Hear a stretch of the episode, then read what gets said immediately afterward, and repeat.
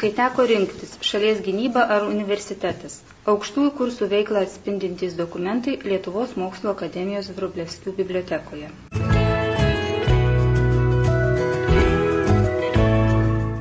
Lietuvos mokslo akademijos Vrublevskių bibliotekoje, ypač rankraščių skyriuje, gausų medžiagos atskleidžiančios aukštųjų kursų organizavimo klausimus, struktūrą, įdomus faktai apie kursų lektorius, jų dėstytas disciplinas, taip pat apie visuomenį aktualias aukštojo mokslo organizavimo problemas. Daugiausia medžiagos išliko teisų skyriaus organizatoriaus, lektoriaus, o vėliau universiteto dėstytojo, akademiko Augustino Janulaičio personalinėme fonde. Dokumentai leidžia pažvelgti į aukštuosius kursus, jų kūrimą ir reikšmę plačiau, išsameu, atskleidžia ne tik galutinį rezultatą, bet ir įvairius svarstymus, liudijančius, koks sunkus ir atsakingas buvo aukštosios mokyklos kūrimo darbas. Pranešimo tikslas parodyti, pristatyti ir atskleisti bibliotekoje rankraščių skyriuje saugomus dokumentus susijusius su aukštųjų mokslo kursų veikla. Objektas įvairiuose fonduose, ypač personaliniuose, Augustino Janulaičio, Mykolo Biržiškos ir kitose esantys dokumentai, liudijantis apie aukštųjų kursų veiklą, naudojami metodai analizė bei aprašomasis. Informacija apie aukštuosius kursus ir jų veiklą atspindintys dokumentai Lietuvos mokslo akademijos Vrublevskių bibliotekoje jau yra šiek tiek nagrinėti ruošiant rodiklę Lietuvių mokslo draugijos paveldas Lietuvos mokslo akademijos Vrublevskių bibliotekoje 2014 metais, taip pat rengiant parodas Lietuvių mokslo draugijai 100 2007 Lietuvos mokslo akademijai 75 2016, aukštiesiems mokslo kursams 100 2020. Ypač daug minčių sukėlė pastarosios parodos paruošiamieji darbai. Žvelgiant į turimus rankraštinius šaltinius bei spausdintą medžiagą apie kursų steigimą, dėmesį patraukė keli faktai. Pirmiausia, koks ryšys tarp 1919-21 metų veikusių Lietuvių mokslo draugijos kursų ir 1920 Kaune atidarytų aukštųjų kursų. Kokios asmenybės sąlygojo universiteto kūrimo darbus nuo sumanimo iki realizavimo. Kuo svarbi buvo aukštoji mokykla visuomeniai bei valstybei, nes Lietuva universiteto atkūrimą laikė vienu iš svarbiausių pirmųjų nepriklausomo šalies uždavinių. Taip pat siekiama atskleisti ir parodyti turimus išlikusius dokumentus, supažindinti su jais tyrėjus ir visuomenę, atkreipti dėmesį į jų panaudojimo galimybės mokslo istorijai.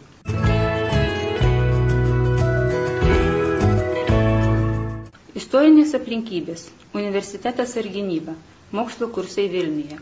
Susikūrus nepriklausomai Lietuvos valstybei 1918 m. vasario 16 d.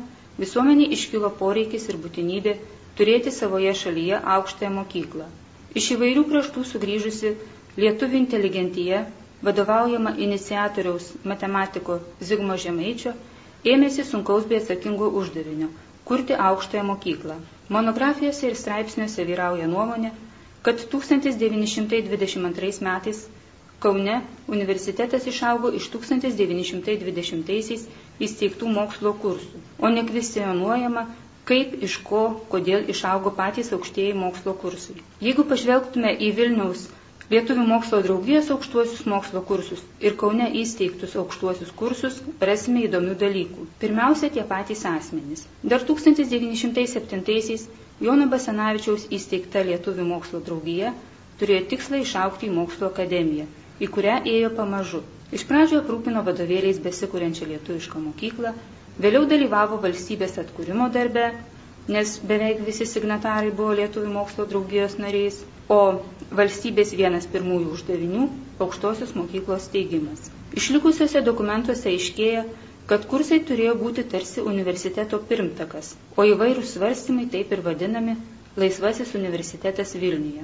1918 m. lapkritį iš Lietuvių mokslo draugijos narių buvo išrinkta komisija universitetui priruošti. Ja sudarė Mykolas Biržiška, Augustinas Janulaitis, Pranas Mašiotas. Numatytas busimųjų paskaitų planas. Taip pat išlikęs įdomus 1918 m.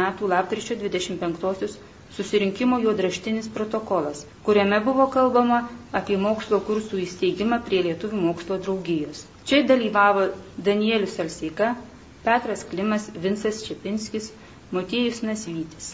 Daugumą pavardžių sutiksime dar ne kartą. Susirinkime nutarta, kad reikia pranešti apie sumanimą spaudoje. Šie dokumentai liudija apie tiesioginį ryšį tarp kursų ir universiteto bei atskleidžia Lietuvių mokslo draugijos narių dalyvavimo procese. Augustino Janulaičio personalinėme fonde saugoma iškarpa iš 1918 metų spalio 30 dienos Lietuvos Aido numerio kur Balys Ruoga išsakė savo poziciją dėl universiteto būtinumo. Čia išdėstyta, kuo svarbus yra mokslas, kaip turėtų būti organizuojama veikla, kad neužtenka inteligentų burelių pastangų, jas reikia tikslingai nukreipti pirmiausia dvasingumo ir samoningumo ugdymo linkme. Svarbus ir įdomus Lietuvos valstybės tarybos svarstymai dėl universiteto kūrimo buvo aktualūs ne tik politikams, bet ir visai visuomeniai. Neveltui Janulaitis išsaugojo ir kitą Lietuvos Aido 1918 gruodžio 2 dienos numerį skirtą universiteto klausimui. Jame pratesiami Lietuvos valstybės tarybos svarstymai dėl universiteto būtinybės krypties. Kaip žinome, iš Lietuvos valstybės tarybos pranešimų gruodžio 5 dieną po svarstymų ir pataisimų buvo priimtas universiteto statutas. Išspausinta Lietuvos aide 1918 gruodžio 7 dieną. 1919 sausio 1 dieną pirmajame puslapyje buvo išspausdintas Švietimo ministerijos pranešimas Lietuvos jaunuomeniai, kuriame informuojama, kad komisija universitetui steigti kviečia visus norinčius užsirašyti į gamtos ir medicinos fakultetus. Nurodoma, kad sulaukus pakankamo norinčių studijuoti skaičiaus, Lietuvos valstybės taryba vėl imsis universiteto klausimo. Deja, sumanimą atkurti universitetą Vilniuje nuo 1919 m. sausio 1 dienos pakeitė politinės aplinkybės. Nuo 1919 m. sausio inteligentija ir besikūrenčios valstybės institucijos buvo priversos palikti Vilnių ir išsikelti į Kauną. Likusieji Vilniuje bando dirbti toliau ir pirmiau steigti mokslo kursus. Lietuvių mokslo draugijos mokslo kursų priruošiamosios komisijos vardu Augustinas Janulaitis 1919 m. kovo 19 d. kreipėsi į švietimo komisariatą leidimo ir tą pačią dieną sulaukė teigiamo atsakymo. To jau plačiai visuomeniai pranešama apie susikūrusius prie Lietuvių mokslo draugijos kursus. Iš informacinio reklaminio lapelio sužinome, kad kursai prasidės 1919 kovo 24 d. pirmosios vyrų gimnazijos pastate Jurgio gatvėje 38, dabar tai būtų Gedimino prospektas. Skelbiama, kad paskaitos vyks vakarais nuo 6 iki 9 valandos, kursai truks 2 mėnesius, programoje numatyti tokie dalykai kaip psichologija, lietuvių literatūros istorija, filosofijos istorija, matematikos istorija, žydų Lietuvoje istorija, taip pat bakteriologijos bei chemijos istorija. Dėstytojais būtų Jonas Vabalas Gudaitis, Mykolas Biržiška, Justinas Tumėnas, Pranas Mašiotas, Augustinas Janulaitis, Junavičius, Raudonikis ir kiti. Klausytojams numatyta galimybė rinktis, mokėti už visą kursą 40 rublių arba 2 rublius už atskirą paskaitą. Dėl kylančių klausimų ir informacijos, kaip kontaktinis asmuo nurodomas Augustinas Janulaitis. Beje, iš dokumentų sužinome, kad Lietuvių mokslo draugijos kursų reklaminis informacinis lapelis buvo išspausdintas pas spaustuvininką Martyną Kuktą Švyturio spaustuvėje. Išlikusi 1919 kovo 25 dienos sąskaita išrašyta Lietuvių mokslo draugijai, iš kurios sužinome, kad skelbimų lapelis išspausdintas 150 egzempliorių tiražu, už tai sumokėti 75 rubliai. Kitur galima rasti paskaitų tvarkaraščius bei daugumą dėstytojų pavardžių. Sužinome, kad paskaitas be jau anksčiau minėtų skaitė Sofija Čirlionienė, Grinkevičius ir kiti. Taip pat išlikė kai kurių dėstytojų kursų programos. Pavyzdžiui, Raudonikė neorganinės chemijos kurso programa, lektoriaus Prano Mašioto žemosios matematikos istorijos, Justino Tumėno filosofijos programa, Junavičiaus paskaitos iš hygienos ir bakteriologijos, Vabalo Gudaičio psichologijos mokslų įžanga. Sužinome, kad Augustinas Janulaitis buvo vienas iš aktyviausių Lietuvių mokslo draugijos kursų ne tik rengiamosios komisijos narys, bet ir dėstytojas, dar vėliau Kauno kursų dėstytojas, universiteto profesorius. Komisijos vardu dokumentus kelbė ir kiti nariai. Pavyzdžiui, vieni pirmųjų paskaitų tvarkaraščiai yra pasirašyti Mykolo Biržiškos. Kokiamis sąlygomis teko dirbti, liudija išlikęs sargo Laurino Matijošiaus liudijimas. Jis teigia, kad 1919 m. balandžio 20 d. Lenkų kareiviai įsiveržė į gimnazijos mokytojų kambarį ir iš spintos paėmė dėžutę su surinktais už paskaitas pinigais. Kasininkiai Vasiliauskaitė patikrinus kvitų knygelės konstatuota, kad galėjo būti maždaug 152 rubliai. Tai buvo vidutinio sunkumo finansinis nuostolis.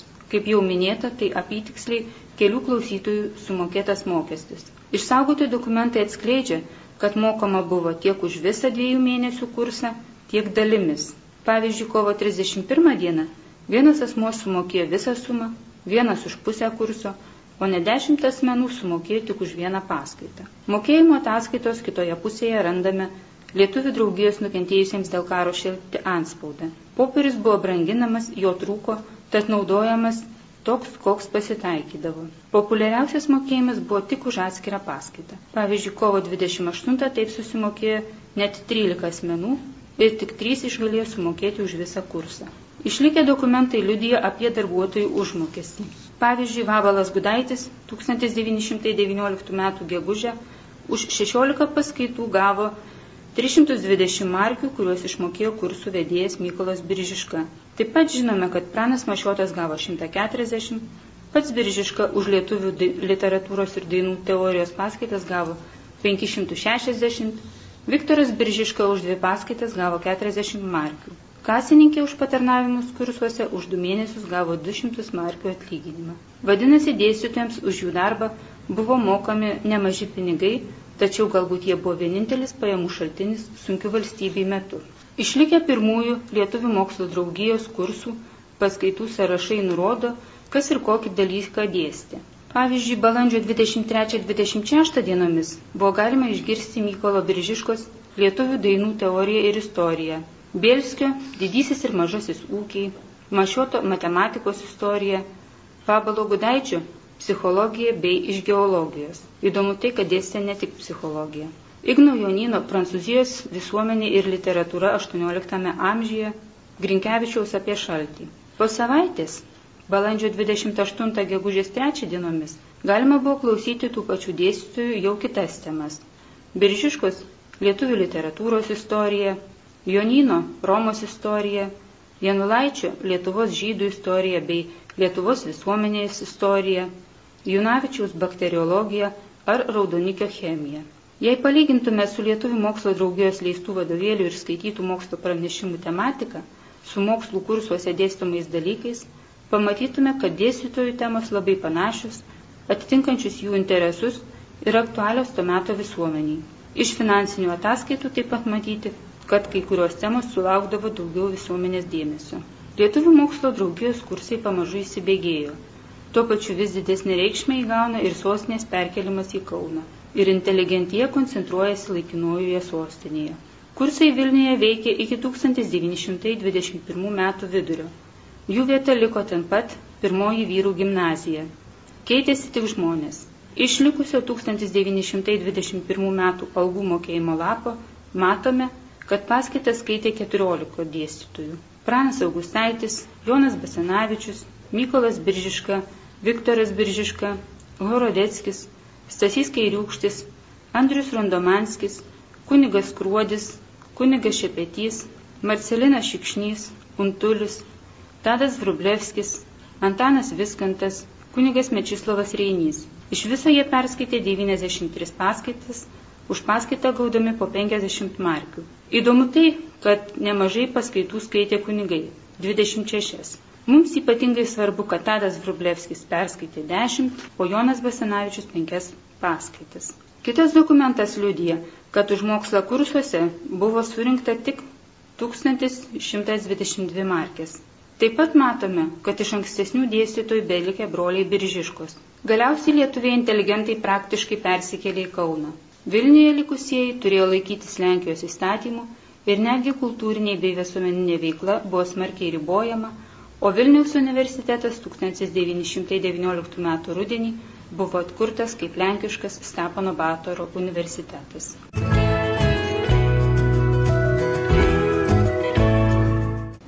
Įsikūrimas Kaune ir jų veikla. Į Kauną persikėlusi inteligentija, vadovaujama matematikos Zigmo Žemaičio, 1919 metais sudarė organizacinę grupę aukštai mokyklai įkurti, kuriai priklausė gamtininkas Tadas Ivanauskas, teisininkas ir istorikas Janulaitis, psichologas Fabalas Gudaitis, botanikas Liudas Vailionis. Besikūrenčiai valstybei trūko savų kadrų visose gyvenimo srityse. Reikėjo kuo skubiau užtikrinti, kad jaunimas per karą nutrauktą mokslą galėtų tęsti kuo arčiau namų, taip sumažinant ir finansinės išlaidas. Tuo pačiu buvo akcentuota, kad pati Lietuva geriausiai galėtų paruošti savo kraštui specialistus geriau nei pavyzdžiui Vokietija ar Rusija.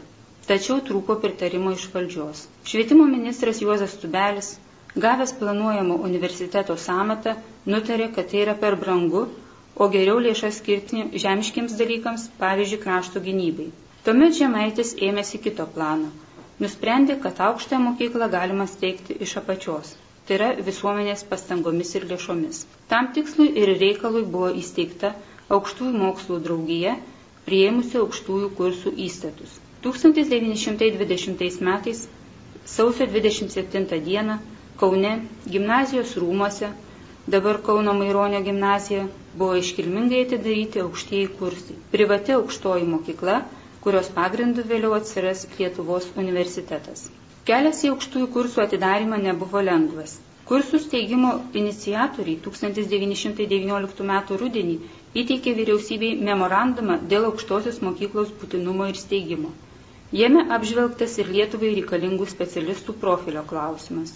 Anot tuometinio šalies prezidento Antano Smetonos, ypač svarbi buvo humanitarinių mokslų plėtra. Šalia turėtų būti plėtojami socialiniai, o taip pat gamtos, tiksliųjų mokslų, technikos, agronomijos ir kitos rytis. 1919 m. spalio 3 d. švietimo ministras Tubelis sudarė komisiją kursams aptarti. Jai priklausė iniciatorius Zigmas Žemaitis, Vabalas Gudaitis, medikas Raudonikis, filologas Eduardas Volteris ir matematikas Mašiotas. 1919 m. spalio 6-7 dienomis laikraštyje Lietuva Zigmas Žemaitis universiteto kursų komisijos vardu išspausdino kreipimąsi į visuomenę dėl aukštosios mokyklos steigimo. Per kelias dienas buvo gauta apie 600 prašymų, kuriuose paaiškėjo, kad 75 procentai norėtų studijuoti gamtos ir matematikos, technikos ar medicinos mokslus. Kursų komisijai teko spręsti busimų lektorių klausimą. Į šį darbą taip pat buvo įtrauktas ir Janulaitis. Nuomonės skyrėsi. Aiškėjo, kad nepavyks išvengti skirtumų Todėl tik tai lapkričio 8 dieną švietimo ministrui buvo įteiktas aukštųjų kursų įstatymo projektas, pagal kurį tai būtų prie švietimo ministerijos veikianti valstybinė aukštoji mokykla. Deja, ribotos valstybės galimybės ir reikalingi didžiuliai finansai pristabdė procesą. Atsitraukus švietimo ministerijai, kaip alternatyva buvo įsteigta aukštųjų kursų draugija, kurios tikslas skleisti ir remti Lietuvoje aukštąjį mokslą. Kaip priemonės tikslui skleisti, numatyta, kad draugija galės steigti ir remti aukštasias mokslo įstaigas, taip pat organizuoti paskaitas, leisti mokslo knygas bei žurnalus ir remti mokslus einančią jaunuomenę.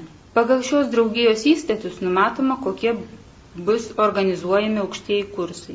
Iš pradžių numatyti šeši skyriai - žmonėtyros arba humanitarinių mokslų skyrius, susidedantis iš istorijos, filologijos ir pedagogikos, teisių skyrius, matematikos fizikos skyrius, gamtos skyrius su agronomijos sekcija, medicinos skyrius su veterinarijos sekcija ir technikos skyrius. Numatyta, kad mokslas truktų skirtingai. Pavyzdžiui, humanitariniai mokslai truktų 3 metus, teisų 6 semestrus, matematikos 7, gamtos ir technikos po 4 metus, o medicinos net 10 semestrų. Šie aukštųjų kursų įstatai ne tik buvo paskelbti spaudoje, bet ir išleisti atskirą knygelę Pirmoji aukštoji Lietuvos mokykla aukštieji kursai 1920. Lietuvos mokslo akademijos Vrublevskių bibliotekoje daugiausiai išlikusių dokumentų apie aukštųjų kursų veiklą yra būtent Augustino Janulaičio personalinėme fonde. Persikėlęs iš Vilniaus, jis tapo Kauno aukštųjų kursų teisų skyriaus vedėjų, taip pat skaitė paskaitas humanitarinėme skyriuje. todėl dokumentų daugiausia susijusių su šių skyrių veikla. Vienas įdomesnių dokumentų 1921 m. spalio 12 dienos Lietuvos Respublikos steigiamojo Seimo kanceliarijos leidimas aukštųjų kursų teisų skyriui vieną mėnesį naudotis Seimo rūmų 9 ir 13 kambariais. Kaip žinome, iš pradžių kursai neturėjo savo turto ir lėšų, todėl teko tenkintis tuo, ko galėjo sušelbti kiti. Taip pat atsiskleidžia, kokiomis sąlygomis teko dirbti. Materialinių dalykų svarba fiksuojama ir kitur. Pavyzdžiui, Žemaitis rašo, aukštieji kursai, labai stikdami baldų ir lėšų stokos, dėliai nepajėgumų jų įsigyti, šiuomi kreipėsi į plentų, vandens, kelių ir uostų valdybą, prašydami perleisti aukštiesiems kursų reikalams, jei rastų galimų ir dovanai arba už minimalę kainą, esamus valdybos sandėliuose aplūžusius baldus. Sunki pradžia nesustabdė entuziastų. Vienas iš pirmųjų dokumentų buvusio Vilniaus kursų dėstytojo 1919 m. Augustino Janulaičio suplanuotos busimų Kauno aukštųjų kursų paskaitų temos. Janulaičiui, kaip teisų skyriaus vedėjui, teko nemažai administracinių darbų. Kursų vedėjas Vabalas Gudaitis primena dėl ataskaitų, reikalingų švietimo ministerijai pristatyti. Taip pat išlikęs aukštųjų kursų humanitarinio skyriaus raštas Janulaičiui dėl paskaitų tvarkaraščio. Administracinį darbą liudija ir 1921 m. lapkričio 29 dienos kvietimas Janulaičiui atvykti į aukštųjų kursų mažosios tarybos posėdį. Janulaičio kaip teisų skyriaus vedėjo 1921 lapkričio 12 dienos surašytas mokslo planas ir samata. Taip pat išlikęs aukštųjų kursų teisų skyriaus tarybos 1921 m. rugsėjo 21 dienos posėdžio protokolas rašytas Petro Leono, kuriame dalyvavo ir Janulaitis. Išlikusi iškalbinga Zigmo Žemaičio vizitinė kortelė Janulaičiui. Joje kursų iniciatorius rekomenduoja buvusį Sankt Peterburgo docentą Vladimirą Stankevičių kaip galima kandidatą į teisės mokslų docentus būsimame universitete arba aukštuosiuose kursuose. Panašus ir kitas dokumentas apie dėstytojų komplektavimą. Išlikęs profesoriaus humanitarinio skyriaus vedėjo Eduardo Volterio 1922 m. sausio 23 dienos kvietimas buvusiam Vilniaus mokslo kursų dėstytojui, profesionalui istorikui Ignui Joninui skaityti paskaitas aukštuosiuose kursuose apie Lietuvos padėtį viduramžiais. Kas dar dirbo teisų skyriuje, liūdėja kitas dokumentas. 1921 m.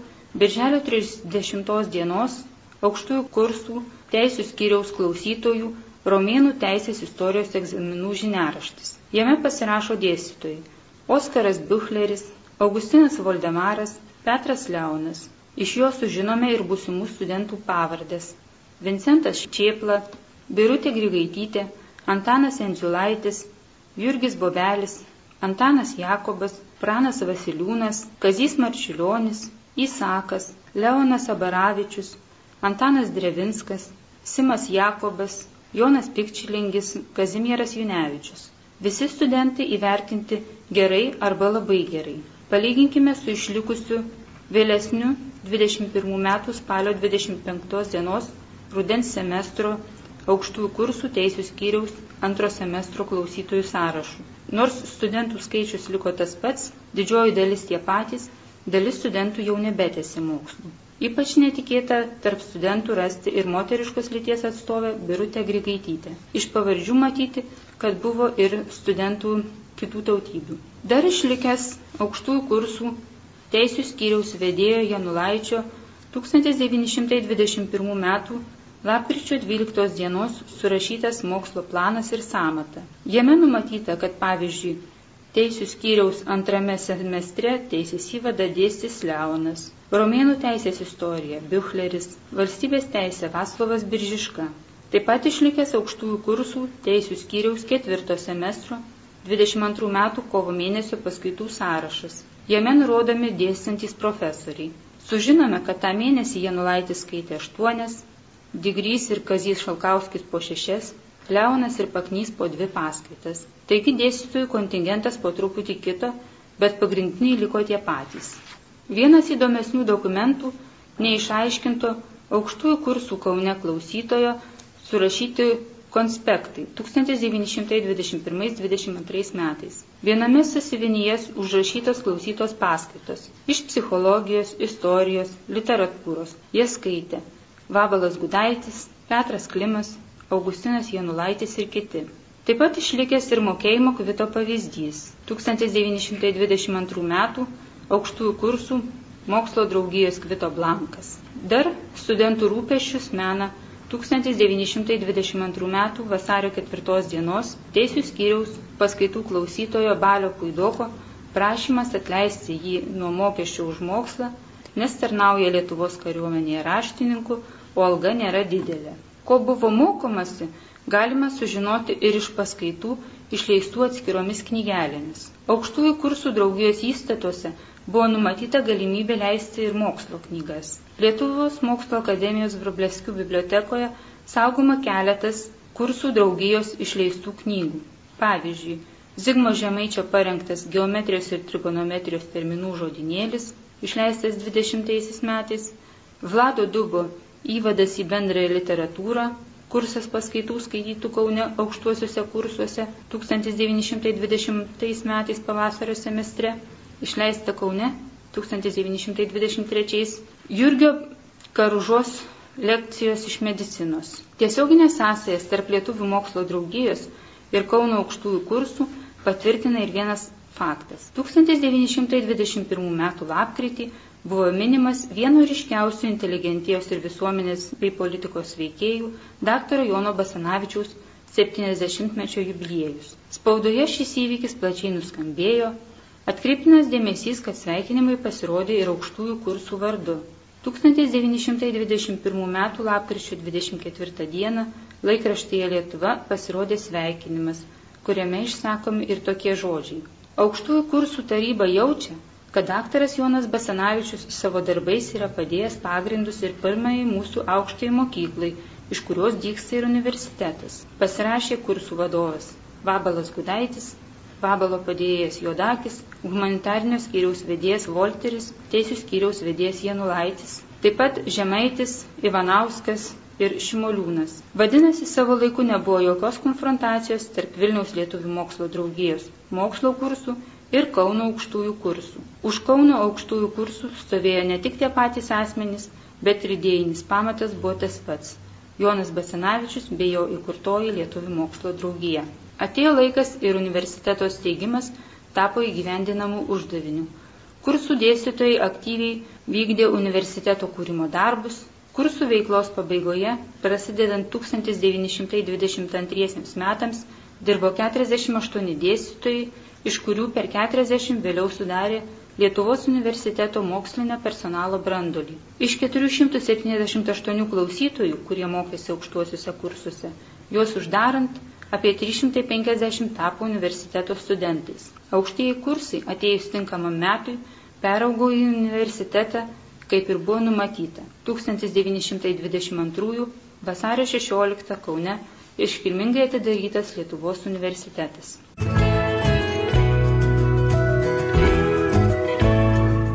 Lietuvos universitetas išaugęs iš kursų.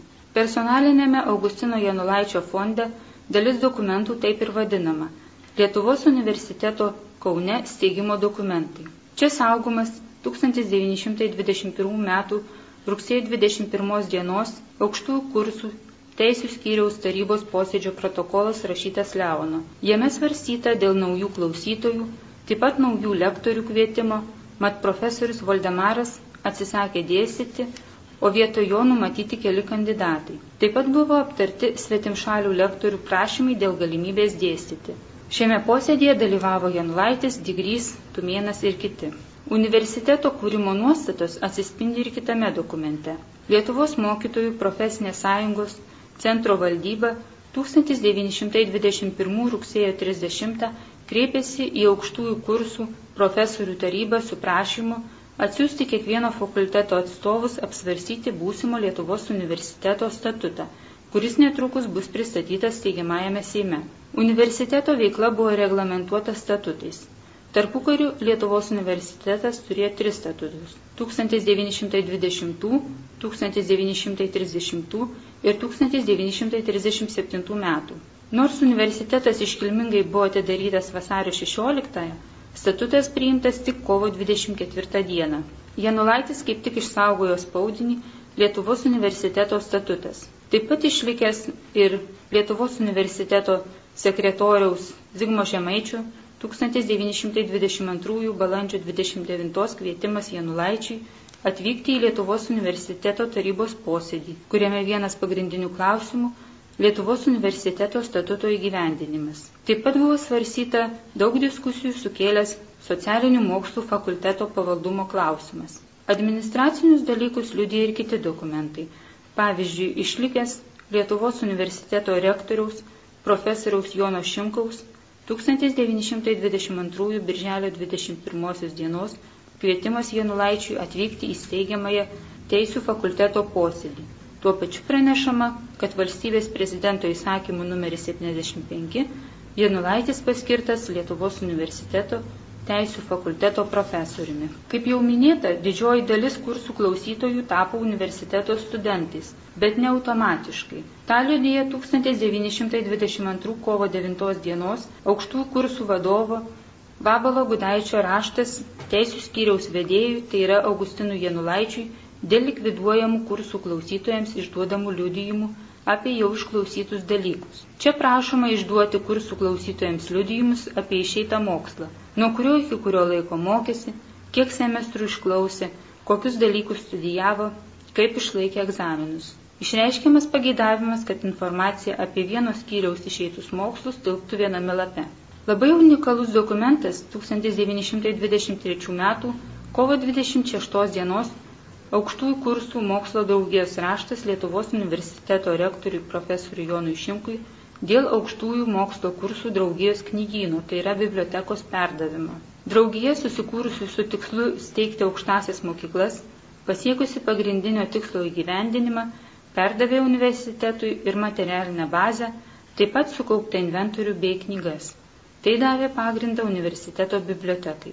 Tai pamažu bendromis jėgomis susikūrė Lietuvos universitetas.